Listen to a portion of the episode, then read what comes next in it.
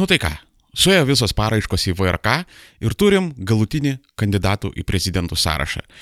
Visi, kas prašėt mane pakomentuoti, pašnekėti apie tai, kas dalyvaus šituose prezidento rinkimuose, atėjo šventė ir į jūsų kiemą, nes dabar gausit armėno išsamų komentarą apie kandidatus į prezidentus. Važiuojam.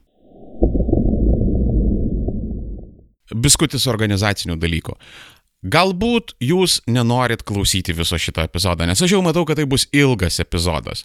Galbūt jums yra įdomus specifiniai kandidatai, vienas ar du, ir jūs ateinate būtent apie juos pasiklausyti. Todėl Jūsų patogumui, jeigu jūs šitą dalyką klausysite per YouTube, apačioje, pačiam pirmam komentarė jūs rasite timestampus. Tai yra bus pavardė ir šalia pavardės bus nuorodėlė, ant kurios paklikinsit ir automatiškai YouTube'as jūs nuneš į tą vietą, kur aš būtent kalbėsiu apie tą kandidatą. Viskas tik tai dėl tavęs, mano melasis klausytojų, tik tai dėl tavo asmeninio patogumo. Na ir žodžiu, organizacinius dalykus į šalį. Visų pirma, Reiktų pripažinti, kad labai gaila, jog šituose rinkimuose nedalyvaus Aušara Maldeikienė. Nu, pagrindė dėl to, kad jinai man sumoka, bet daugiausiai dėl to, kad labai retas politikas, kuris nepataikauja rinkėjams. Ir aš pats savom akiem mačiau, kai Maldikienė pasikvietė į pokalbį mokytojai, čia tada dar nei jokiais streikais kvepėjo, nei ten buvo ministeriją okupavę, tiesiog pirmieji nepasitenkinimai dėl algų tenais ėjo. Karočią, pasikviečia ją tenais į pokalbį ir tada taip netyčia pasipila klausimai tipo, o tai ką dėl tų algų dabar daryti, už ką balsuoti ir aušra taip tiesiai šviesiai sako jiems, kad, žinai ką, reikėjo prieš biudžeto svarstymą galvoti. Jums reikėjo anksčiau šiknas kelti, jums reikėjo anksčiau kažką daryti. Kai jūs bandėt kažką kalbėti su valdžia, tai jūs ten biški parodėt nepasitenkinimą, pasėdėjot su surauktais veidais, bet principaliai nieko nepadarėt. O dabar jau dėl biudžeto nuspręsta ir jūsų algų kol kas niekas nedidins ir patys kalti, kad jūs nieko nedarėt. Ir šitam amžiui, kai dauguma politikų yra iškaučinti pijaršikų, kai toliau reitingo niekas nemato ir ten kažkokie vienkartiniai buzvordai eina kaip politikos pakaitalas, tai žmogus tas, kuris vat, nepataikauja šitiem šūdams ir duoda pizdai už debiliškus klausimus, nu, yra tiesiog man bent jau intelektualinis saldainis. Ai, nu dar ir tiesa, jinai man buvo pažadėjus VSD vadovo postą, tai pagrindė dėl to aš maldykė nemėgau. Na, bet anyway, važiuojam toliau. Dar ko gaila, tai yra, kad mūsų nuostabusis, tobulasis, gerasis Vytautas Šustauskas nekandidatuoja, nes, nu, blėt, debatai tarp jo ir Juozaičio čia, nu, būtų kažkas tokio, čia būtų kaip baltarusiška porno, kur šlykštų, nesupranti, kas vyksta, kilimas ant sienos kabo, bet, nu, blėt, negali atplėšti akių.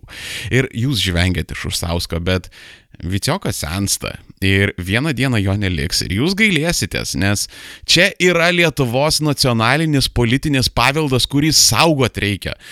Ten tiesiog Lukiškių aikštėje reikia jam pastatyti gardą, primėtit padangų, kad būtų ką pagraužti, e, bliūdų su maistu ir vandeniu ir arielką pastatyti ir hujarint streamą iš visų rakursų 24-7. Aš čia garantuoju, čia blėt būtų žiūrimiausias kontentas visoje Lietuvoje. Jeigu beje idėja patiko, tai laukit Armėnas 2024. Ir apskritai, nu, verta paminėti, kad šitie rinkimai bus įdomus tuom, kad išliks šiokia tokia intriga. Man nugalėtojas daugiau mažiau aiškus, bet kad vis tiek dar daug kas gali pasikeisti, daug ten gali būti visokių nepatogių istorijų, bet pagaliau, galiausiai finale po dešimties metų mes turėsime nebe prezidentės rinkimus, o prezidentų rinkimus. Bet principė čia tik tai iš pažiūros. Apie tai truputėlį vėliau. Nu tai karuočia, per daug nemarinuojant, uh, pradedam. Tomas Šimaitis, Vitas Gudiškis, vienas verslininkas, kitas buvęs sporto funkcionierius. Apie abu, abu du labai mažai informacijos, vienas jau atkrito iki rinkimų, kitas irgi, manau, iškris. Ir, nu, vis tiek ten reikia parašus rinkti, reikia netoli penkių štukų į VRK nunešti ir tiesiog ne, nemanau, kad jiems pasiseks perlipti per tas karteles, jau vienas, kaip ir sakiau, atsisakė, kitas, aš manau, irgi tenais ant eilės stovi.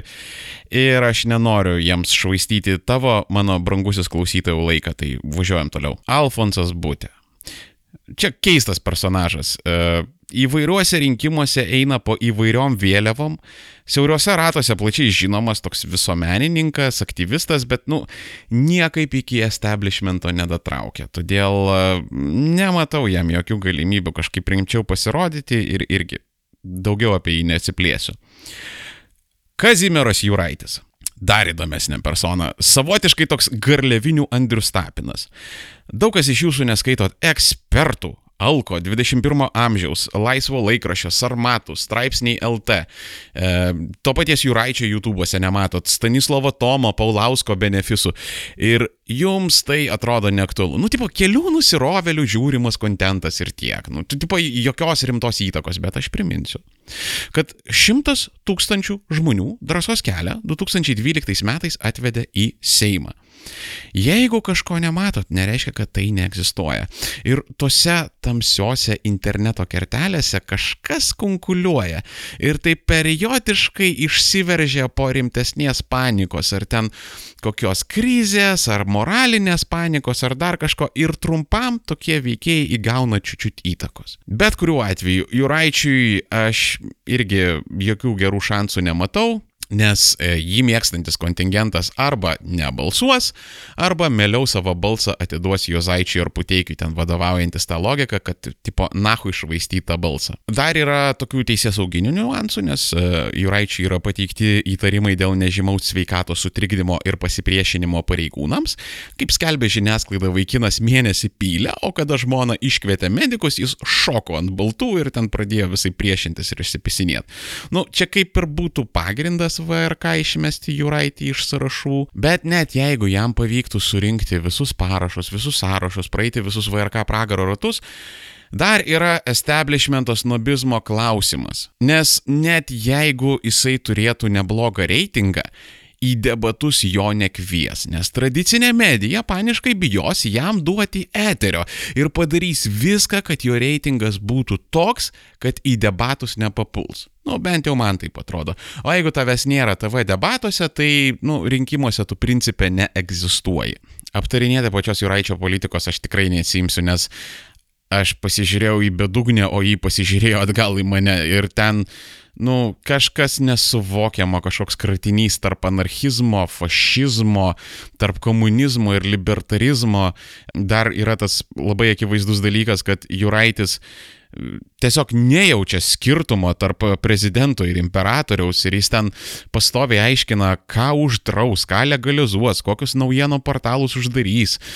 Čia yra kalba, kad žmogus paprasčiausiai nemasto, nes tai, ką Juraitis žada įgyvendinti būdamas prezidentu, tai tam reikia kaip minimum konstitucinės daugumos Seime, bent penkių tau pavaldžių teisėjų konstitucinėme teisme. Ir tas prezidento postas jisai būtų tik tai kaip vyšne ant torto. Ir vad kada žmogus nemasto, jisai nesupranta šitų elementoriškų dalykų ir tada pradeda svaigti, ką jis legalizuos, ką jis uždraus, atidarys ar uždarys. Tai, nu, principė sakau, čia Sizifo darbas suprasti Juraitį ir aš tikrai turiu kam skirti savo asmeninį laiką ir aš tiesiog nenoriu knaisytis po tą šrotą ir aiškintis, kokios jo pažiūros, ką jisai galvoja, ką jisai ir, ir tą dalyką bandyti vertinti. Žodžiu, gilintis nematau prasmės, važiuojam toliau. Mazuronis. Nu, čia tas atvejis, kada jau vieną koją tu pamirštas, toks outsideris, bet dar kaip ir politinio kapitalo užtenka. Tipo, benzas baigėsi, bet dar biški bakė garų yra ir varikliukas dar sukasi. Ir, e, va, tu dar gali eiti į įvairius rinkimus, bet, va, nu, tiesiog tau neužtenka reitingų. Ir man rodos, kad į Europarlamentą jisai taip pat kandidatuos ir galimas daiktas prezidentiniai rinkimai Mazuroniui labiau atlieka tokią marketingo EP rinkimams funkciją. E, Mazuronis nėra durnas ir manau, kad savo neaktualumą pats labai aiškiai supranta. Plus jam jau 65 metai, jis jau yra toks pagyvenęs vyriškis, o Bruxelis yra tai, ką daktaras išrašė, nes, nu, baigiai gatenciją ir tu jau milijonierius. Plus dar milžiniška pensija iš Europos parlamento priklauso, nu, karočią, vieni pliusai. Man atrodo, kad Mazuronis uh, suvokia, jog rimtų šansų 20 metų parlamento rinkimuose neturi, nes su savo pavardė jisai nebepravažiuos, jokia rimta partija jo pas save neims, kabinti savo vežimo prie eilinių loserių nesinori. Dalyvavimas savivaldos rinkimuose yra downgrade'as, todėl, nu, nelygis ir zaškvaras, o prezidento rinkimuose yra daug stiprių kandidatų, todėl daug ant to aikštėje jam irgi nešviečia, nu ir taip atmetimo būtų lieka Bruxelis ir Europos parlamentas. Tai, nu, vėlgi, mano nuomonė, jo tikslai yra kitokie, todėl prezidento rinkimuose jam nieko įdomaus nešviečia. Ir tai labai puikiai matosi per Mazuronio politiką. E, nėra tokios. E, tiesiog kažkokie tušti, primityvūs iš Pakso ir Uspaskicho recyclinti lozungai. Nu, ir čia tiesiog kitaip būti negali, kai žinai, kad nu, nelaimėsi, nu tai kam dar varginti su tom idėjom ir programom? Copy paste ir atsipiskit. Ir aš manau, ties šitą vietą galima apie Mazuronį sustoti. Tomaševskis. Nu, man rodos ta pati istorija kaip ir su Mazuroniu. E, Tomaševskis greičiausiai irgi nori į Briukselį, tik skirtumas tas, jog jam reikia prezidento rinkimuose dalyvauti dėl tokio bendro prestižo. Nes, nu, matot, politikoje egzistuoja tam tikras etiketas, tokios taisyklės. E, jeigu esi sena, nuolat parlamente būnanti partija, tau yra prestižo reikalas dalyvauti visuose rinkimuose, net jeigu pats supranti, kad šansų pas tave nėra. Manau ir pats Tomaševskis žino, kad už Vileikos pšeką niekas nebalsuos, todėl čia irgi nėra ką daugiau medituoti. Gaus savo Vilnijos ir Žemaitijos vatnikų balsus užsidės varnelę ir toliau eis į Europos parlamentą. Auštrevičius, Petriukas, uh, pf, nu, dieve, ką apie jį pasakysi. Uh, jisai yra iškeltas juodai diskredituotos partijos. Ta partija tai yra liberalų sąjūdis, kuri yra įklimpusi visokius ten MG Baltiko korupcinius skandalus ir ten panašiai kuri baisiai nukraujavo žmonėmis, kuri literaliai byra į šipulius. Ir ten paskutinis likęs Gentvilas, ten kapitonas, jisai dar bando kažkaip išplauti tą visą tą negarbę, išsivalyti tą savo mundūrą. Ir tarsi aiškina, kad mes čia įrodysim, kad esam nekalti, mes įrodysim, kad esam švarūs, bet, nu, čia jau yra akivaizdi desperacija ir man labai primena antro pasaulinio karo pabaigą, kada Hitlerį iš visų pusių smaugia sąjungininkai, kur jau sąjungininkai yra į Vokietiją įsiveržę jau praradė visas užkariautas teritorijas ir e, Hitleris į Wehrmachtą jau ten pradėjo kviesti ten senukus, ten paauglius, ten ginkluoti jos panzerfaustais ir jau ten, nu, tipo muštis iki paskutinio. Tai vad, grinai konkrečiai tokia paskutinėja desperacija, kur ten tas uh, Gentvilas vos neužsidaręs priparkaituotam bunkeryje, ten riekia rantinai ir ten dėlioja kažkokias ten karinės sagas ant uh, žemėlapių ir ten bando dar kažkokį strateginį planą sugalvoti, bet bet nu, fundamentaliai su Auštrevičiumi yra problema, nežiūrint tai, kad jisai nu, yra pakankamai neblogas čiavakas, pakankamai normalus politikas, bet ne, nežiūrint į tai, jisai į rinkimus eina, nu, tiesiog plaukti tą distanciją su cementiniais batais. Ir cementiniai batai yra liberalų sąjūdis. Ir nežiūrinti tai, koks jisai yra ten fainas, normalus, iškalbingas ir taip toliau, e, liberalai jį pastoviai skandins. Nes, nu, vad, kaip tu debatuose išsivartysi iš tokio gaidžio, kad ponas Auštrevičiau, ką jūs galvojate apie tai, kad, vad, jūs iškėlė partiją įlindusi į baisiausią korupcijos skandalą modernioje Lietuvoje, apie kurią yra žinių, kad jinai buvo sukurta kaip MG Baltico projektas, kaip kišeninė tokia lobizmo mašinėlė, ir vad jūs iškėlė tokią partiją. Kaip jūs jaučiatės būdamas tokios uh, baisios reputacijos politinės jėgos kandidatas? Prašom atsakyti. Jūs turit minutę 30 sekundžių. Ir blėt ir neišsivartysi iš tokio greičio. Ir uh, man atrodo, kad uh, Auštrevičius greičiausiai norėjo irgi, kaip e, iki tol minėti kandidatai į Europarlamentą, jisai ten praktiškai perpetualiai tūsinasi, jisai buvo vienas iš e, euro dėrybininkų, kada mes stojame į ES ir jisai labai fainai jaučiasi tose Briukseliuose, jam ten patinka, tinka ir greičiausiai liberalai išstatė sąlygą, kad žiūrėk, jeigu nori, kad mes tave iškeltume į sąrašą į Europos parlamentą, tai būk mielas, prašau, atidirbki ir prezidento rinkimuose. Ir man atrodo, tie patys liberalai nelabai tiki, kad Auštrevičius kažką normaliai pasirodys, bet, nu, vėlgi, tai yra prestižo dalykai, va jie vis dar nori parodyti, kad, tipo, mes vis dar esam tie patys kentai kaip ir anksčiau. Kad, tipo, viskas normaliai, viskas gerai, mes jau dabar kitokie. Tai irgi nuoširdžiai abejoju, kad Auštrevičius kažką tenai stebuklingo parodys, nuoširdžiai abejoju, kad perlips ten kokius 7 procentus, greičiausiai už jį balsuos ten labiausiai nufanatėjo nusirovę liberalai ir principė nieko gero ir įdomiaus jisai neparodys. Galų gale pats Auštrevičius, jisai pats iš savęs yra toksai labai pilkas, nykus ir neįsimenantis. Seniai, įsivaizduok, čia true story yra visiškai. Aš ruoždamasi šitam epizodui, ten skaičiau, domėjausi apie kandidatus, ten kažką į sąsvinį pasirašiau, ten susirašiau kažkokias pavardės, nu kad kažką turėt prieš akis, jeigu minčių pritrūktų. Ir įsivaizduokit, aš pradedu įrašą, aš ten šneku apie ten Mozuronius, Tomaševskius ir visą kitą, ir blėt, aš suprantu, kad aš pamiršau Auštrevičių. Aš pamiršau Auštrevičių, ta prasme, antiek jisai buvo neįpatingas. Man reikėjo sustabdyti įrašą, sėstis prie kompo, researchinti, knysti, žiūrėti, ten kažkokias mintis išsirutuliuoti ir panašiai. Ta prasme, aš, aš jį paprasčiausiai pamiršau. Vat ant tiek yra jisai toksai nauneiminis, beveidis, neišskirtinis, nykus, pilkas, praktiškai nematomas kaip kiaušinis priešais baltą sieną.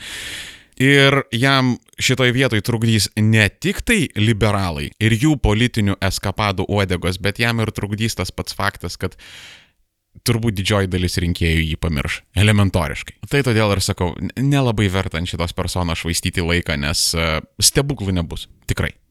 Toliau, ką mes čia turim. Puidokas. Įdomus keisas. Vyrutis taip nezahui išstojo ir pareiškė, kad Karbauskis yra negeras žmogus, kuris rimuojasi su agrastas kad valstiečiai, vat, ėmė ir apsireiškė ir pasakė, kad valstiečiai yra žakt, visiškai nedemokratiška partija. Tai todėl nutarė pustytis padus ir kandidatuoti į prezidentus, įbo išgelbėtų Lietuvą nuo Karbauskio ir jo asmenybės kulto. Leisk mano mislingasis klausytojų užduosiu retorinį klausimą. Kodėl Tik dabar, besibaigiant parlamento kadencijai, Puidokas susgrybo, kad valstiečiai yra nahui nedemokratiški.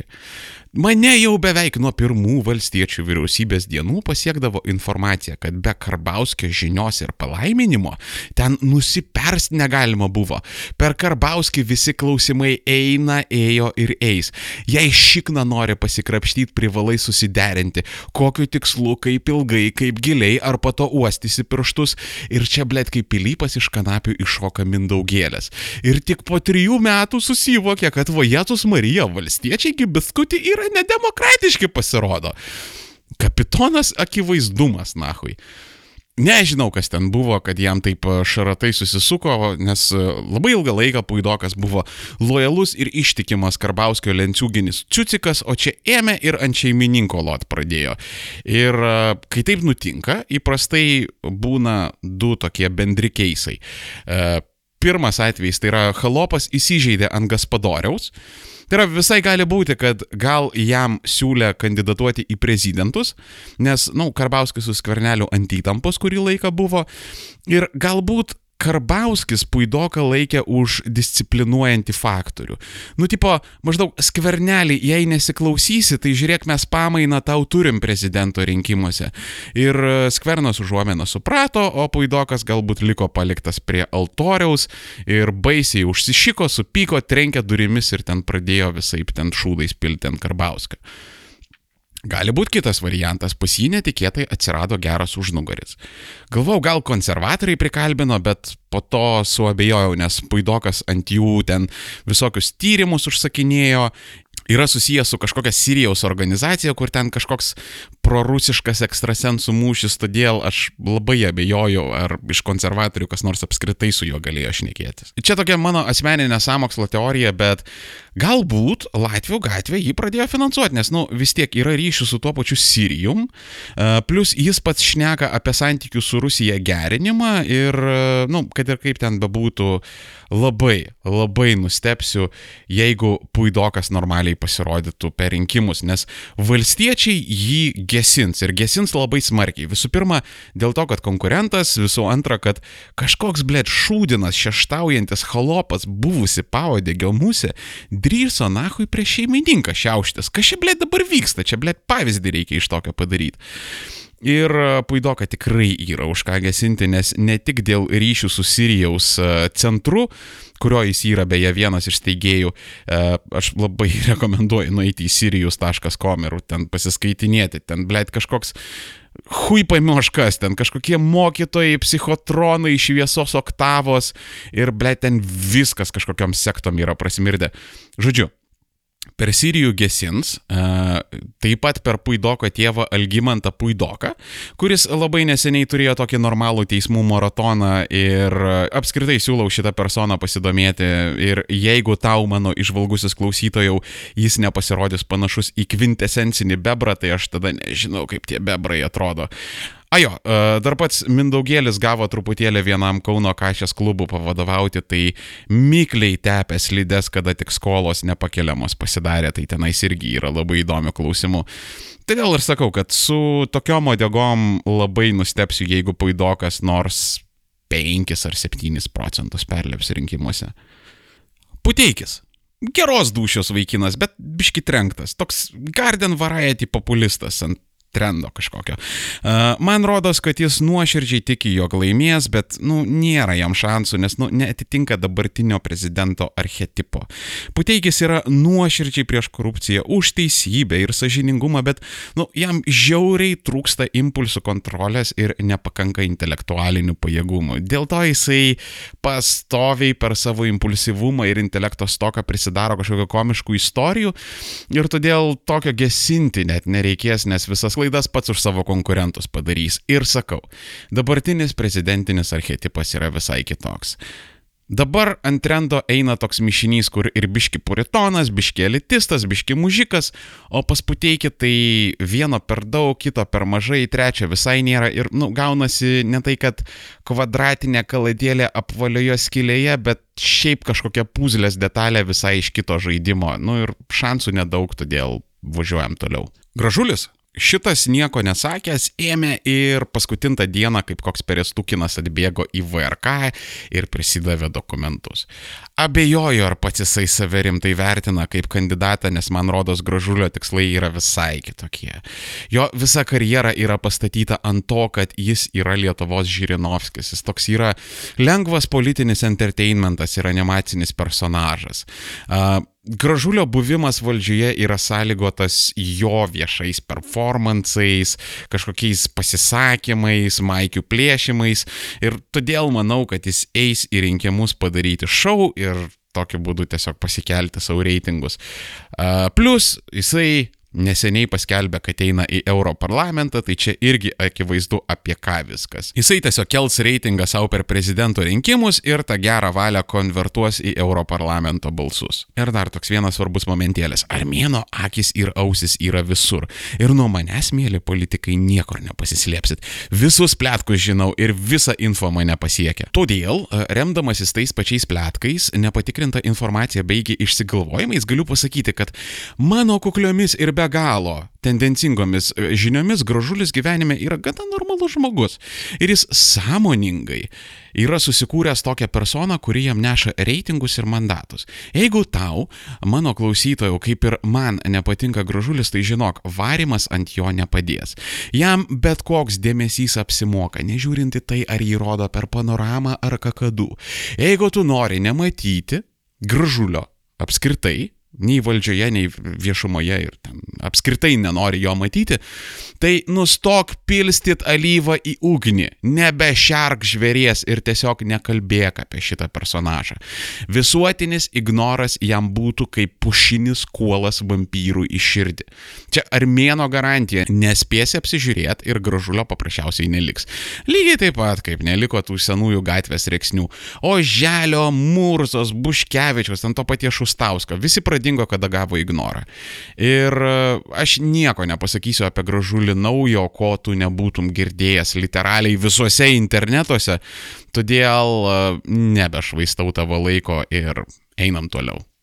Jozaitis Čia aš pilnai sutinku su Aušra Maldeikienė, kuri, kaip tu mano gerai informuotasis klausytojau, turbūt labai gerai žinai, kad man sumoka už liaupsės ir PR, aš sutinku su jos išsakyta fraze, kad maždaug nėra iki galo aišku, kas bus būsimas Lietuvos prezidentas, tačiau sekantis einantis po jo, ko gero bus Arvidas Jozaitis arba jo tipo žmogus. Ir pačioje pradžioje į Jozaitę žiūrėjau odna huistvinai. Nu, sakykim taip, jis man nebuvo nesimpatiškas, bet ėjo laikas ir Jozaitė šnekėjo. Ir kuo daugiau jisai šnekėjo, tuo mažiau jisai man patiko. Pradedant nuo to jo primityvaus populizmo. Ten periodiškai išstoja, vimteli kažką ir pasakęs A, nedasako B.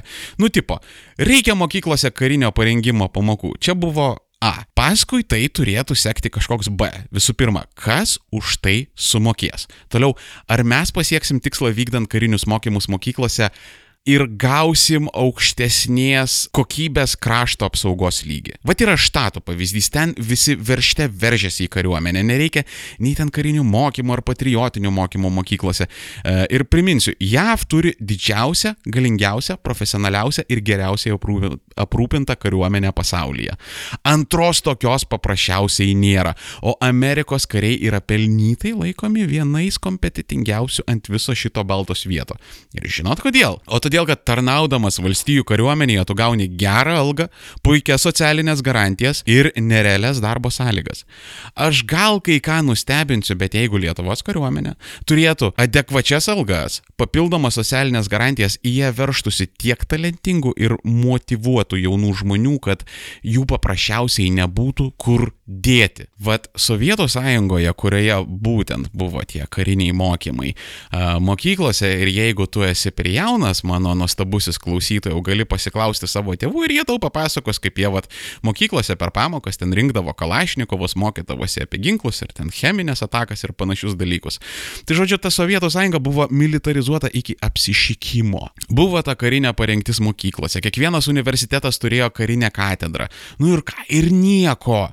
Sovietų sąjunga sugriuvo ne dėl karinio konflikto, o ją susprogdino džinsai, rock'n'rollas ir prastai įgarsinti stalonės filmai videokasetėse.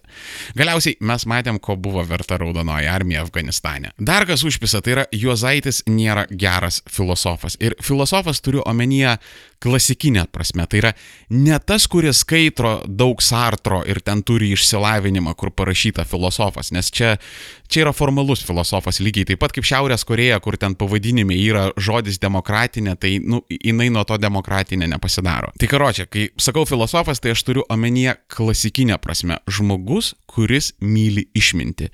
Ir aš nežinau, apie kokią išminties meilę galima kalbėti, kai tu šneki prieš emigrantus, bet atsiveži žmoną iš Kaliningrado. Toks off-topikas, bet kažkai ar jį dar tebe yra Rusijos pilietė. Va tau nepatinka, kad dainų dainelėje dainuoja ne lietuviškai, o bet savo dukrai tu duodi rusišką vardą.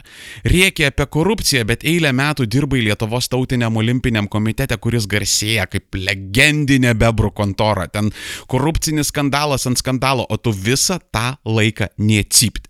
Po to dar tas Jozaitis kažką tenais šneka apie istorinės lietuvių kalbos vartojimą, kaip jis yra būtinas Lietuvos valstybingumui. Ir, blėt, kas tas yra Jozaitė istorinė lietuvių kalba? Ar čia yra tarpukario lietuvių kalba, ar tai yra 17 amžiaus lietuvių kalba, ar tai yra viduramžių lietuvių kalba, kurią kalbėjo ten Gediminas ir Vytautas ir ten Kestutis ir Algirdas. Ta prasme, kas tai yra istorinė lietuvių kalba? Čia pirmas dalykas. Antras dalykas. Lietuvoje kas nešneka lietuviškai? Absoliuti dauguma žmonių Lietuvoje kalba lietuviškai. Čia galbūt tik tai yra problema su Visaginu, galbūt yra problema su dalim Klaipėdas ir galbūt yra problema ten su Vilnyje, su tais Lenkų kraštais, kur ten nešneka lietuviškai, bet šiaip didžioji dalyje Lietuvos visi šneka lietuviškai. Ir tipo, ką, ką tu turi tuo omenyje, kad ten kažkas sako ok, o, o, ar ten awesome, ar the best, ar dar kažką, kad jisai vartoja svetį svetimus žodžius lietuvių kalboje. Tai tu nori pasakyti, kad Lietuva yra antiek silpna, antiek bejėgė, antiek yra paliegusi ir niekam tikusi, kad ją gali sugriauti keletas nelietuviškos kilmės žodžių ir trys anglosaksiškos kilmės raidės pavardėse. Tu tai nori Jozaitį pasakyti, ne? Nu, vėlgi, čia yra kalba tiesiog apie blogą filosofiją, nes kai pasieki jo deklaracijų loginės grandinės, tu tiesiog randi kažkokį jovalą, kažkokias verbalinės dierėjas ir kažkokias atrištus idėjinius galus, kur ten net nesupranti, kas, kur, prie ko, kaip, kodėl. Vienu žodžiu, tokių e, kognityvinių disonansų pas Juozaitį yra nors kamazą įsivešk ir nežinau, ar čia Lietuvos išsilavinimo sistemos problema, kad yra filosofas, kuris neišpažįsta nepažįsta filosofijos. Ar dėl to, kad Juozaitis visų pirma yra fizrukas, o tik tada filosofas, o nu, gal šiaip kada iššoko į perseklų baseino galą ir galvytę susitrenkė čia, paaiškintų tą jo perpetualiai stiklinį žvilgsnį. Nu, neturiu žalio supratimo, bet aš išlepintas tokių žmonių kaip Bachmetjevas, Bulota, amžinatilsi Donskio idėjos, nu, aš tiesiog nesiryštų kartelės leisti taip žemai ir vadinti Juozaičio filosofu. Formaliai taip yra filosofas, bet praktiškai ne, jokiais būdais ne. Apskritai man rodos čia apie vidutinio amžiaus krizės, nes, nu, vienus dėdus pramuša ant motociklų, kabrioletų, kitus ant klubų kokso ir kurvų, trečius ant politikos pramuša, ten visokie visuomeniški darosi, puola Lietuvą gelbėti. Ir e, dar prie vidutinio amžiaus krizės yra toks um, teenageriškas elgesys pasireiškia. Toks radikalumas, kategoriškumas, visų problemų sprendimų žinojimas, pyktis, nihilizmas. Ir bet Jozaityje aš šitų dalykų matau tikrai. Sukaupu. Ir galiausiai paskutinis merkiantis įrodymas tai yra 20 metų jaunesnė žmona, su kuria santykiai prasidėjo ir net vaikas gimė dar neišsiskyrus su pirmąja. Taip, aš tai pasakiau. Visa šita Juozaičio politinė veikla, mano kuklė tendencinga ir konservatorių pramokėta nuomonė, tai yra tik tai paprastas, elementoriškas pakritusio testosterono lygis kraujyje. Dar vertėtų paminėti, kad pas Jozaitį yra toks labai keistas elektoratas, nuo plokščiažemininkų iki apsiskaičiusių inteligentų ir Jozaitis neblogai renka reitingus ir visos kalbančios galvos taip tyliai, atsargiai šneka apie kažkokį Jozaičio fenomeną ir aš čia jokių fenomenų nematau. Tiesiog daug kartų kartau, keičiasi establishmento trendas. Nuo šampaninio neoliberalizmo į neosmetonizmą ir Juozaitis labai puikiai ant šito trendo užtaikė. Daug kartų kartojau, kad nu, nelaimės, nelaimės tikrai šitų prezidento rinkimų. Gal su savo komitetu į Briuselį šaus, bet aš Juozaitį arba metaforinį Juozaitį matau kaip Lietuvos establishmento ateitį. Sakau, watch this space. Žiūrėkit, kas vyks 20 metais, 24 metais parlamento rinkimuose. Ir pamirškit sėdmaišius, pamirškit startupus ir inovacijas, nes tuoj vaugė bus vyžos, rožančiai ir tautinė drausmė. Ir Jozaitis į šitos dalykus labai puikiai įsipaišo. Šitoj vietoj aš norėčiau duoti rimto pizdai akademikams, inteligentams ir intelektualams. Visų pirma, Jūs mūsų apleidžiate, užsidarote savo fakultetuose, dekanatuose ir ten kažkokiose siauruose publikacijose, tada užsišikate, kad niekas jūsų neklauso, o kas blėt jūsų klausys, kai jūs reacikiais išlindę į viešumą mokate tik tai patronizuoti, piktai mosuoti pirštais ir šnekate kažkokią pretenzingą, hui paimioš kokią mokslinę kalbą, kurios patys pusę laiko nesuprantat. Dauguma jūsų Mėlyjeji inteligentai, intelektualai ir akademikai, jūs pasidavėte be kovos ir pasidavėte už grantus ir šiltas vietas establishmento pašonėje. Jūs krūpčiojate, kai mažaraščiai mentai tampa ministrais, pirmininkais ir merais, bet pastaruosius 25 metus daugelis iš jūsų tylėjote, o tais retais atvejais, kai prabildavote, tai darydavote su neslėpiamu snobizmu ir panieka savo tautai, kuri beje, beje, net necyptelėjus jūs išlaikė visą tą ketvirtį amžiaus. Ir dabar, kai šitiek dešimtmečių daugelio jūsų nei su žiburiu nesurasi, kai jūsų taip reikėjo, jūs blėt atsibūdote ir puolėte gelbėti Lietuvą. Ir kokiu būdu? Renkant nahui latentinius fašistus į valdžią. Jūs blėt rimtai. Rimtai.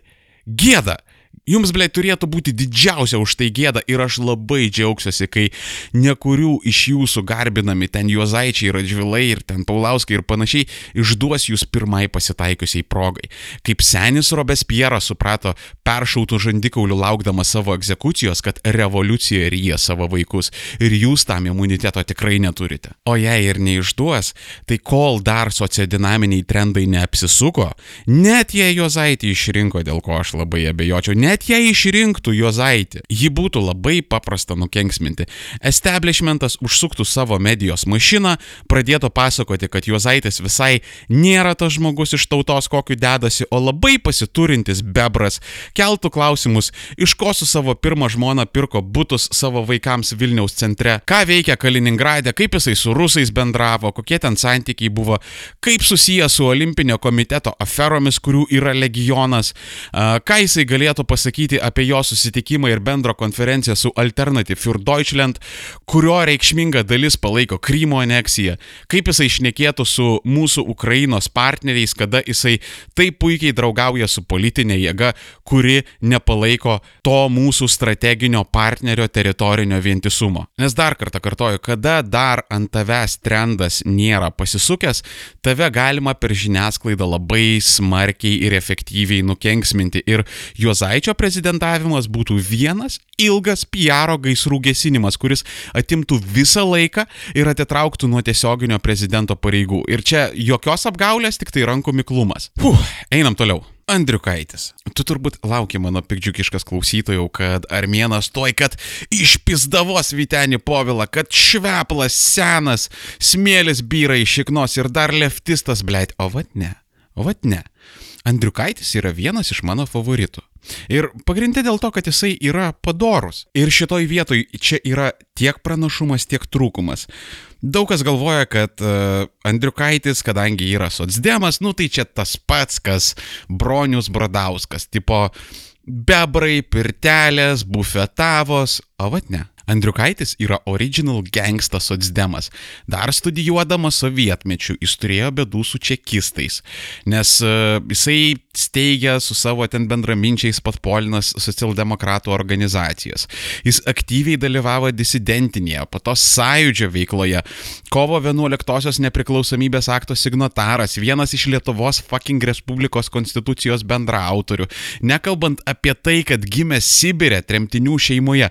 Žodžiu, patriotinių kredencialų pas jį yra dahuja ir dar truputį. Ir vienintelis dalykas, kurio aš jam netleisiu, vienintelis jo rimtas prajobas yra tai, kad jisai padarė dylą su velniu ir susiliejo su Brazausko LDD pistais. Kalbant apie Andriukaičio padarumą, vat, labai geras iliustracinis pavyzdys.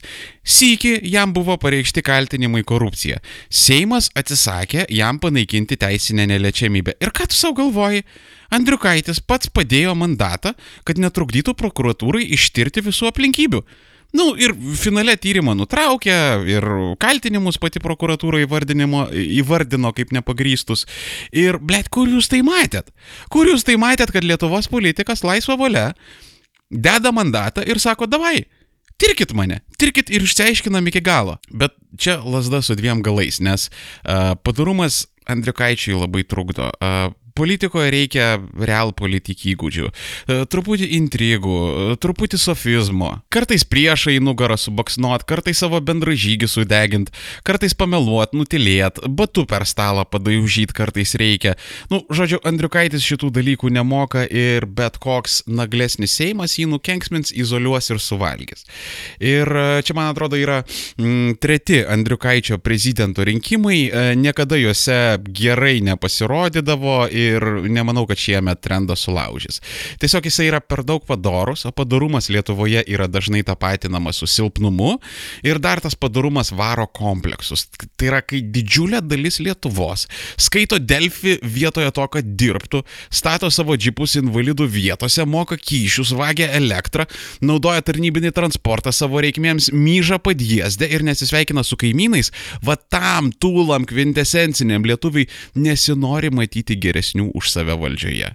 Šiaip sakau, būtų geras prezidentas, nes e, Europos komisija išmoko tarptautinės politikos amato, yra protingas, korektiškas ir e, svarbiausia, habitualiai nelys iš savo konstitucinių rėmų, kaip e, Brazauskas ir jo protežė Grybauskaitė, bet, nu, dėja Lietuvai tokių prezidentų nereikia. Iškelti Andriukaitį yra tas pats, kas Saudo Arabijoje pardavinėti keulienos kilandžius. Nu, vietos rinka to švelniai sakant nesupras. Lietuvai dabar reikia primityvaus stagnacinio keulėsnukio, todėl Andriukaičius šiuose rinkimuose pravalas yra garantuotas. Nausėda. Jei tu Mano šaunusis klausytojau girdėjai Armėno radio epizodą apie jį, gerai žinai, kaip aš myliu poną gitarą. Jis man nuo pat pradžių nepatiko kaip tas toks, nu, kvintesencinis korporatyvinis šuniukas apie nieką. Nausėda visada mokėjo gerai jausti aplinkui esančius sentimentus ir prie jų taip gražiai, tvarkingai, organiškai prisitaikyti, todėl gerai lipo karjeros laiptais, tiesiog slyste slydo per visą gyvenimą. Ir čia ne dėl savo gebėjimų, gabumų ar intelektualumo, o dėl to, kad jis buvo visiems patogus. Toks politkorektiškas korporatyvinis Alfonsas, kuris žino, ką žmonės nori girdėti, gali tai pasakyti laiku ir vietoje ir už tai gauti tai, ko nori. Ir dėl nausėdos kandidatavimo aš turiu dvi versijas. Pirma, kadangi jis tiek laiko vaidino Celačką ir ten laužėsi ir konkrečiai nenorėjo sakyti, kandidatuosis prezidento rinkimuose ar ne, e, net nausėda 2019 domenas nebuvo iki pat paskutinės akimirkos nupirktas, ten kabėjo Lietuvos valstybinio fronto, ten postas vienas kročia. E, aš maniau, kad jį galbūt pasičiupo kokie nors gudrus marketingistai, užparino, kad Gitanai, ble, tu gali gali, tauta tave myli, jinai tavęs nori, tik tu išgelbėsi Lietuvą ir, o realiai tuo metu tiesiog daro razvodą ant babkių. Antra versija, tai e, galbūt nausėda į reikalą pasižiūrėjo pragmatiškai. Jam 54 metai. Dar dešimtmetis ir jau bus laikas į pensiją. E, galbūt bankui reikėjo šviežesnių veidų ir jo laikas buvo taip suskaičiuotas. Nu, to pagrindu ėmė ir sugalvojo, kad o hulį nepabandyti, nes, nu, jeigu pasiseks, atbus kadencija kita, išeis užtarnaut ant poilsin, e, bus daugelio gerbiamas, gaus apsaugą, valstybinę rentą, turės vietą ant akalnio kapinėse, e, iš prezidento vardo uždarbiaus knygą parašys konsultacijų biznį užsuks. Nu, kai tarkim kokio ten Kazakstano verslininkus su Lietuvos politikai suvedinėja. Nu, čia tokia sena gera tradicija, kai buvę aukšto kalibro politikai prekiauja savo kontaktais. O jei neišrinks, tai nors, nu, PR pasidarys, ten karmos taškus prisirinks ir, nu, tai, tai galės išnaudoti kitoms savo veikloms. Nu, čia vieni pliusai. Reikia pripažinti, kad ir kaip aš nemėgčiau nausėdos, visą savo širdim, kaip aš jo nemėgčiau, jis būtų neblogas prezidentas. Nu, Vat sunku pripažinti, bet reikia. Realiai toks valdo Adamkaus klonas, kuris mano nuomonė buvo geriausias Lietuvos prezidentas ever. Tu turbūt jau pastebėjai, kad pas Armėną atsiranda toks naujas leitmotyvas. Aš ištisai kompleininu ant tragiškos Lietuvos švietimo būklės. Tai va, dar vienas daržas į tą akmenį. Dauguma žmonių, įskaitant ir reikšmingą dalį šiandienos prezidentinių kandidatų, neturi nei menkiausio supratimo, kas yra tas Lietuvos Respublikos prezidentas. Ir e, kokios jo pareigos, ką jis daro, ko, ko, ką gali, ko negali, nulis supratimo. Reikalus dar komplikuoja dvi grybauskaitės kadencijos, kur ji kišosi į vidaus politiką, lipo per savo įgaliojimus ir pusę etato dirbo už premjerus. Čia kai kurie dalbajobai politologai tai vadina aktyvių prezidentavimu, tipo aktyvi prezidentė. Tai čia, blė, nu, tas pats, kas sakyti, kad, tipo, kestutis pukas mėgsta moterų kompaniją aktyvi prezidentė, blėt, kuri nahui užleido didžiąją dalį užsienio politikos, nuteikė už save didumą žiniasklaidos, akademijos ir kišo savo nosį, kur pagal ustavą paprasčiausiai nepriklauso. Nu bet Grybauskaitė čia atskira tema, kai tik bus prisaigdintas naujas prezidentas, arba E, padarysiu jos abiejų kadencijų analizus ir galėsim šitą dalyką giliau parutuliuoti. Tai karo čia grįžtam prie reikalo. Per daug nesiplečiant į juridinės plonybės, taip grubiai paėmus, labai sugeneruojant generalizavus, Lietuvos Respublikos konstitucinė santvarka yra tokia, kad mes esame parlamentinė respublika su prezidentinės respublikos bruožais. Reiškiasi, Prezidentas pusę laiko būna grinai ceremoninė figūra, ten nu, valstybinės iškilmės vesti užsienio svečius linksminti, tipo kažkas tokio. O kitą pusę laiko jis turi tris pagrindinės užduotis. Čia, nu, irgi taip grubiai generalizuojant. Pirma, vykdyti užsienio politiką, tai yra spręsti, su kuo Lietuva draugauja, su kuo pykstasi. Antra, būti tautos sąžinė, tai yra garsinti, kelti ir eskaluoti valstybinės problemas. Ir tai daryti kuo mažiau šališkai, kuo mažiau tendencingai. Ir trečia, finale užtraukti rankinį stabdį, jeigu kažkurios iš valdžių elgesi nekorektiškai. Nausėda yra komunikabilus orangutangiukas, pasakykit tris kartus greitai. Todėl užsienio politikos reikalus tvarkys gerai, jis labai puikiai jaučia visuomenės sentimentus, todėl jei reikės galės garsiai išnekėti apie jos problemas. Dėl rankinio nesu tikras per daug bestuburis, bet, nu, ir poreikis tam retai iškyla, todėl ties šitą vietą galima ir pasižiūrėti pro pirštus. Bet Finale aš jo prezidentų nematau. Galbūt išeis į antrą turą, bet nemanau, kad jį išrinks, nes Nausėdos didžiausia problema yra ta, kad jis ateina iš bankų. O po 2007 metų krizės, kai šitiek žmonių įlindo į skolas ir buvo bankų nuskausminti, jam tas labai smarkiai kirs per reitingus, nes privalės pusę laiko teisintis už visų bankų nuodėmės Lietuvai. Valstiečiai beje jau tuo susirūpino, nes visi tie jų inicijuoti parlamentiniai tyrimai ten dėl kubiliaus vyriausybių veiksmų suvaldant krizę ten bla bla bla yra skirti tik tai tam, kad nukirsti nausėdą ir šimonytę. Tai yra pagrindinius savo konkurentus. Ir pohui tie skaičiai, tie faktai.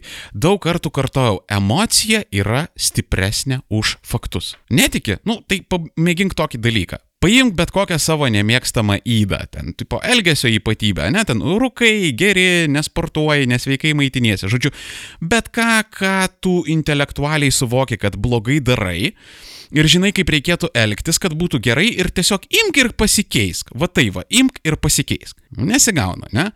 Nu tai va, Emocija yra stipresnė už protą ir faktus. Ir valstiečiai turi emocinę bombą, kuri ištaškys nahui nausėdos pamatus. Ir dar turint omenyje, kaip jo komanda blogai dirba su PR, nu tipo, paima ir padaro logo, kuris atrodo kaip pasvalio profesinės mokyklos dviejatukininkų paskutinę minutę padarytas darbas, kuriam įkvėpimą gavo ten gerdamas kokį tais žaibo plus priešai savo artimiausio Norfą. Tie Egidijaus dragūno endorsinimai, tas nesugebėjimas valdyti kritikos, nu, mane apskritai toks jausmas apima, kad, nu, kai dirba nausėdos PR-šikai ir marketingistai, tai ten kažkur fone groja Benny Hillo muzika, žinote, ta ta ta ta ta ta ta ta ta ta ta ta ta ta ta ta ta ta ir šiaip pasižiūrėjus į nausėdos komandą, nematau ten žmonių, kurie atlaikytų valstiečių sunkiją artileriją. Daugelis jų neturi patirties, kažkokie naunėjimai, iš stipresnių yra Aivaras Obramavičius, kuris nei PR-šikas, nei politinis technologas, todėl kovoje su sofizmu, nu, iš jo principė naudos jokios. Dar yra toksai Povilas Mačiulis, kurį nausėdos štabo vadovė įvardino kaip didžiausią politinę patirtį turinti komandos žmogų, o pasidomėjus šią asmenybę, čia pasirodo, kad ta didžiausia politinė patirtis yra 7-8 metai realiai. Tai nu, čia apie nieką. Politikoje realiai tai yra apie nieką. Toliau šitas vyrutis pas Ušacką dirba, kuris per rinkimus buvo, nu, tiesiog brutaliuoju būdu šimonytės ir jos komandos išniekintas, sunaikintas, apmyštas ir padegtas. Todėl juodojo PR kovoje nausėda yra bejėgis kaip naujagėmis prieš alkanų šakalų gaują. Ši monytė. Aš ją mėgstu. Pagrindė dėl to, kad konservatoriai man sumoka. Gabrieliau, sąskaitą jau išsiunčiau e-mailų, prašom apmokėti per 15 dienų. Bet daugiausiai dėl to, kad šimonytė yra taisyklių vergas. Tai čia gerąją prasme. Man rodosi, kad būdama prezidentė jinai nelystų lauk iš savo įgaliojimų ir puikiai tvarkytų užsienio politiką ir dar turi špižinius kiaušus, todėl nebijos ir galės reikalui esant pasikapoti su Seimu, puikiai mokės įvardinti ir eskaluoti tautos problemas. Ir um, man apskritai patinka jos humoras, jinai labai gerai valdo ironiją, e, jinai nebijo susideginti dėl to, kuo tiki. Tai mes matėm kriziniais metais, kai jį vadovavo Finminui. Ir vėlgi tai yra retas elgesys politikoje, tai yra nepataikaut reitingams ir nebijot susideginti dėl kažkokio tikslo. Bet su jie ne viskas gerai. Ji moka papolitikuoti Jinai moka prisitaikyti prie auditorijos. Jinai moka pasakyti tai, ką nori išgirsti kiti. Kas savaime nėra blogas dalykas, bet tai jau kalba apie politikoje prisigaudytus blogus įpročius. Ir e, šiaip šeimonytė pastaruoju metu ten kalba apie e, pavardžių rašybą, apie žmogaus teisės ir laisvės, bet manęs neapleidžia nuojauta, kad jai gali būti giliai pohui ant šitų dalykų, kad e, ją labiau domina ten visokios Excelio lentutės. O prezidento postas yra kaip tik tokios humanitarinės pareigos. Jos ten yra apie ryšius, apie kontaktus, apie santykius, ko man atrodo Ingrida nelabai mėgsta. Matot? Matot, ant kiek mane nupirko konservatoriai? Aš su šimonytė praktiškai jau net ant tu esu, va tai va. Ten, kur tikrai reikia Excelių, tai yra ministerijos, tai yra vyriausybė, tai yra premjero kėdė, galbūt dar savivaldoj. Ir aš manau, kad konservatoriai šimonytė paprašė paprasčiausiai išvaistė. Ja būtų buvę tikrai geriau kelti į Vilniaus merus, e, ten tikrai būtų laimėjusi ir turbūt ne kartą, o prezidento rinkimuose jai yra paprasčiausiai pizda irgi gal antrame turė pabus, bet nemanau, kad laimės, e, nes, nu, tos pačios priežastys kaip ir su nausėda. Valstiečiai ant jos pakabins visą atsakomybę už krizę. Ir dar pensams, kurie yra gausiausias ir aktyviausias Lietuvos elektoratas, primins, kas pavogė jų pensijas. Ir nuo tokio gaičio tu neišsivartysi, todėl aš skeptiškas dėl šimonytės išrinkimo į prezidentus. Uh, nu, tipo, ketinimai geri, bet kūdikis jau gimė negyvas. Skvernelis, tu turbūt mano išvalgusis klausytojų supranti, į kur aš visą šitą laiką lenkiau. Neviniodamas pasakysiu, kad taip aš manau, kad skvernelis šūdo maišelis laimės šituos rinkimus. Priežastis, nu, jis šiuo metu tiesiog yra geriausias kandidatas. Ir dabar sustok, įkvėpk, iškvėpk, suskaičiuok iki dešimt ir dar palauk su tuo komentaru apie tai, koks armėnas yra debilas, nieko nesupranta ir kaip skvernatronas jį nupirko. Dabar žiūrėk. Savoka geras nėra objektyvi, tas gerumas priklauso nuo aplinkybių. Tarkim, vanduo iš balos po tavo langais nėra geras, bet kada tu penktą parą negėręs trokšti dykumoj, tas murzinas balos vanduo bus pats geriausias ir skaniausias tavo kada nors gertas vanduo visame tavo gyvenime. Yra toks dalykas kaip sociodinamika, kas yra, nu, tipo, labai hitrožopas pavadinimas bandos instinktams. Tie instinktai yra labai chaotiški, anarchiški, bet tuo pat metu žiauriai nuspėjami. Čia kaip, nu, ekonomikoje būna krizės, bet niekas nežino, kada tiksliai. Tu gali matyti prielaidas joms atsirasti ar prielaidas joms užsibaigti, bet, nu, tiksliai niekada neišpranašausi krizės pradžios ar pabaigos. O jeigu ir pavyko, nu, tai tik per atsitiktinumą.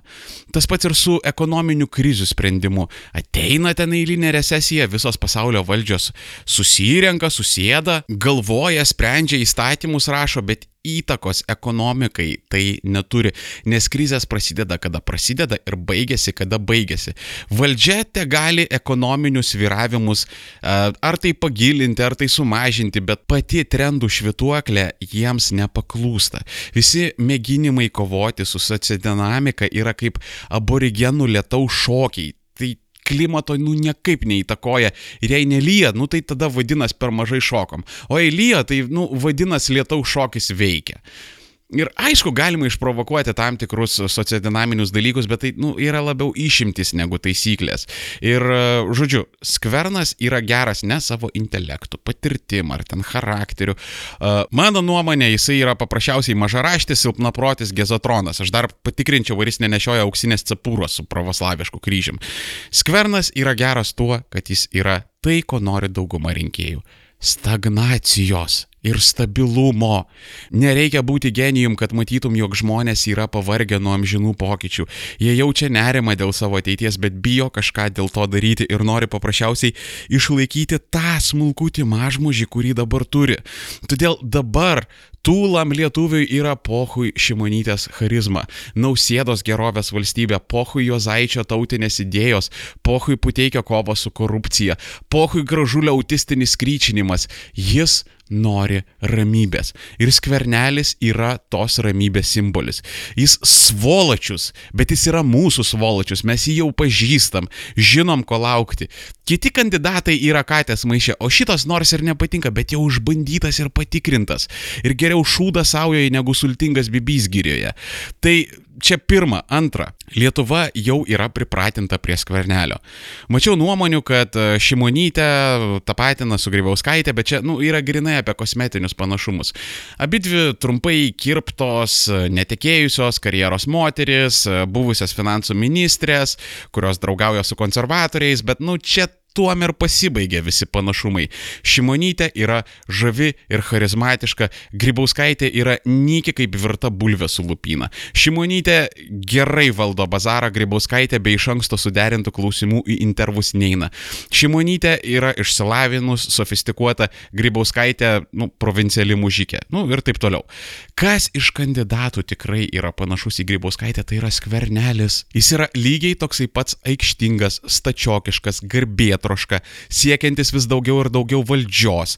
Ir abu du skvernas ir grypsė buvo ištraukti iš nežinios, abu du išdavė savo benefaktorius - skvernelis Grybauskaitė, Grybauskaitė Brazauska, abu populistiniai šlapio pirštų riteriai, kuriems pataikavimas reitingams yra už vis svarbiausias dalykas gyvenime. Intelektualiai, politiškai, savo viešais įvaizdžiais, pažiūrom ir elgesiu tai yra du vandens lašai.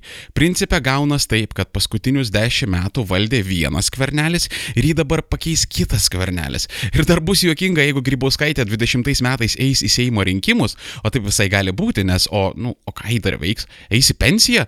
Ką ten veiks?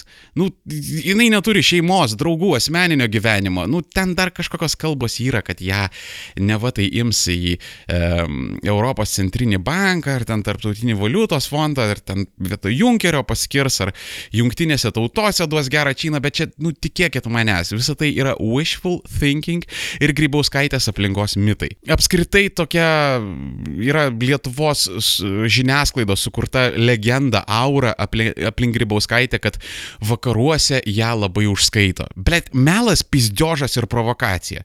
Čia kaip 90-aisiais, kai ten pirmieji migrantai iš tatų trumpai grįždavo į Lietuvą ir ten pasakodavo, kaip jie gerai banko valdyboje dirba, kiek pinigų, prestižo, o realybėje tam bankė jie tualetus valo ir pinigais gali taškytis tik 90-ųjų Lietuvoje. O pačioje Amerikoje gyvena vienam kambarį su penkiais meksikonais ir maitinasi tik tai bomžpakiais. Pavartykit vakarų spaudą ir pamatysit, kad apie Grybauskaitę ten beveik nieko nėra, o jei yra, tai tik tokie, nu, faktiniai duomenys. Ten pabuvo, ten sudalyvavo, ten paskaitė pranešimą. E, ją kažkaip vertinančių straipsnių yra kraupiai mažai, o tarp jų yra daugiau tokių negatyvios nuomonės straipsnių negu pozityvios. Ir čia vad būtent solidžioje vakarietiškoje spaudoje. Ir uh, pasižiūrėkit, kas būna salėse, kai jį Brukselyje išstojimus daro. Dauguma arba akis varto, arba jis ten telefonų sulindę, arba tarpusavyje plepa, arba tiesiog stiklinių žvilgsnių išėję į zen laukia, kol ji nustos kalbėti. Šiaip pikti liežuviai išneka, kad e, Grybauskaitai teko tepti slidę savo laiku iš Briuselio dėl savo labai šūdino charakterio ypatybių, bet čia plėtkai ir pizdiošas ir provokacija. Žodžiu, uh, Taip kad ne, nemanau, kad e, Grybauskaitei šviestų šilta garbinga vieta tarptautinėje organizacijoje ir galimas daiktas e, jį eis į Seimą, nes nutipo gelbė tautos nuo skvernelio su valstiečiais ir tada įsivaizduokit, jinai uh, tampa premjerė ir čia principiai vyksta tokia skvernelių rokiruotė kaip kokiai Putino Rusijoje. O dargi valstiečiai padarė tokį labai krūtą ėjimą žirgų. Iš visų galimų kandidatų jiems pavojingiausias buvo Matijošaitis. Jis turi ahujeną reitingą, jis turi ahujeną respektą. Ir jei būtų dalyvavęs prezidento rinkimuose, ko gero antro turo net nebūtų reikėję. Dabar mes matom, kad krabas rinkimuose remia skverną, o skvernas sako, siūlys krabą į premjerus. Nu, tipo, balsuok už mentą ir gauk antrą nemokamai. Aš nemanau, kad Matijo Šaitis eis į premjerus, nes uh, realiai baigėsi Seimo kadencija ir uh, prapis mero postą, man atrodo, jisai palauks iki 20 metų ir jei valstiečiai formuos vyriausybę, va tada jisai pasiprašys, o į tą laiką jisai kuo puikiausiai tvarkysis reikalus su vyriausybė, nes savivaldybei ten reikia tai paramėlės, tai kažkokį leidimuką sutvarkyti, tai dar kažką. Ir man atrodo, čia tarp jų buvo toks geras dagavarnekas, kad uh, tu Matijošaitį palaikai skverną prezidento rinkimuose, tu palaikai Šimašiaus oponentą Zuoką Vilniaus rinkimuose, ką mes irgi patys darom. Ir žodžiu, mes tavęs nepamiršim. Ir šitoje vietoje šitas Dagavarnekas buvo tiesiog, nu, tobulas, nes ne tik, kad atsikratė pagrindinio konkurento, bet dar ir pasijungė jo reitingą savo rinkimų kampanijai. Čia blėt virtuoziškai sužaidė, nieko neprisipisi. Ir pohui ta visa medijas ataka ant skvernelio. Tu turbūt jau labai pastebėjai, kad daug šūdų pila ant skvernelio pastaruoju metu. Net naujienų portaluose deda beveik išimtinai tik tai tas nuotraukas, kurisai atrodo labai ir labai blogai. Bet būk ramus, mano išvalgusis klausytojau. Kai tave neša sociodinaminis trendas, bandymas prieš tą kovoti, tai yra šokiai su būgnais tikintis lietaus. Vat konkretus pavyzdys - sovietmečių valdžia turėjo savo rankose visą žiniasklaidos ir teisės saugos galę. Visom tiesom ir neteisybėm bandė sustabdyti sąjūdį. Kūrė apie jį visokius paskvilius, atvirai melavo, gaudė, sodino, persekiojo, tankais traiškė ir hui. Neatsilaikė visa blogio imperija prieš 11 tūkstančių aktyvistų. Tam tikrą prasme aš net laukiu, kad išrinktų skvernelį. Čia būtų kaip tas video, kur apie Trumpą, žinot, ten, kur internetuose yra, kai ten uh, sukarpytos ištraukos su kalbančiam galvom, kad haha, Trumpas kandidatuoja, per primaris jo niekas neišrinks. Išrinko. Nu, bet tikrai rinkimų nelaimės laimėjo. Ir tada paskutinė scena, kur jaunaturkiai sėdė iš pustom akim ir atvirai stalčiais, nežinodami nei ką sakyti, nei kaip elgtis.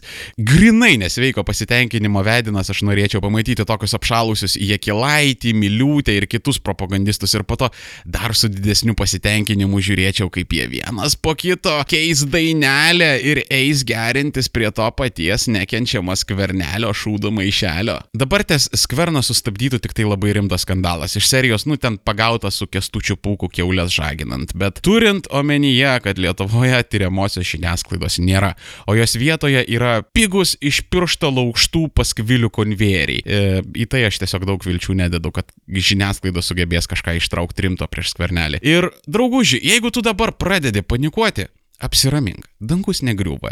Ir nieko baisaus su skverneliu daug ant to aikštėje nenutiks. Nugi, sakiau, ten jau dešimt metų sėdėjo skvernelis. Galų gale mes Brazauską atlaikėm, Paksą išgyvenom, Zuoką visose jo inkarnacijose šitiek metų turėjom. Jau nekalbu apie tiesiog tragiškus 92 ir 2004 metų seimus. Viskas ok, išgyvensim, nenukabink nosis, ne pirmas ir ne paskutinis keulės nukis valdžioje. Ir su tolesniais trendais ta pati situacija bus krizė.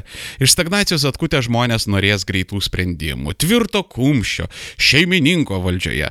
Atsiras neosmetonizmas, bus eilė metų nedarbo, socialinių neramumų, politinio chaoso. Bus blogai, bet išgyvensim. Išgyvenam sovietmetį, išgyvensim ir šitą etapą.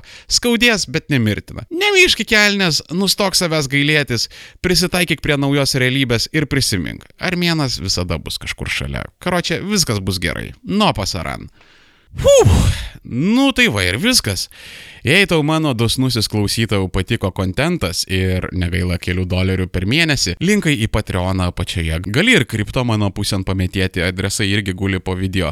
Jei blogai su pinigais, nu, pašėrink, mane pakomentuok, palaikink, nu, tai irgi padeda. Gali dar Brave browserį naudoti, ten periodiškai uždyka padalina tokius tokenus, kuriuos galėtų mesti mano pusėn. O jei nepatiko, nu tai viskas tvarkoja, bičiuli. Tu armėnui nieko neskolingas. Karočią, Ačiū visiems uždėmesi, už paramą, laikykitės, matomės kitose epizoduose. Čia.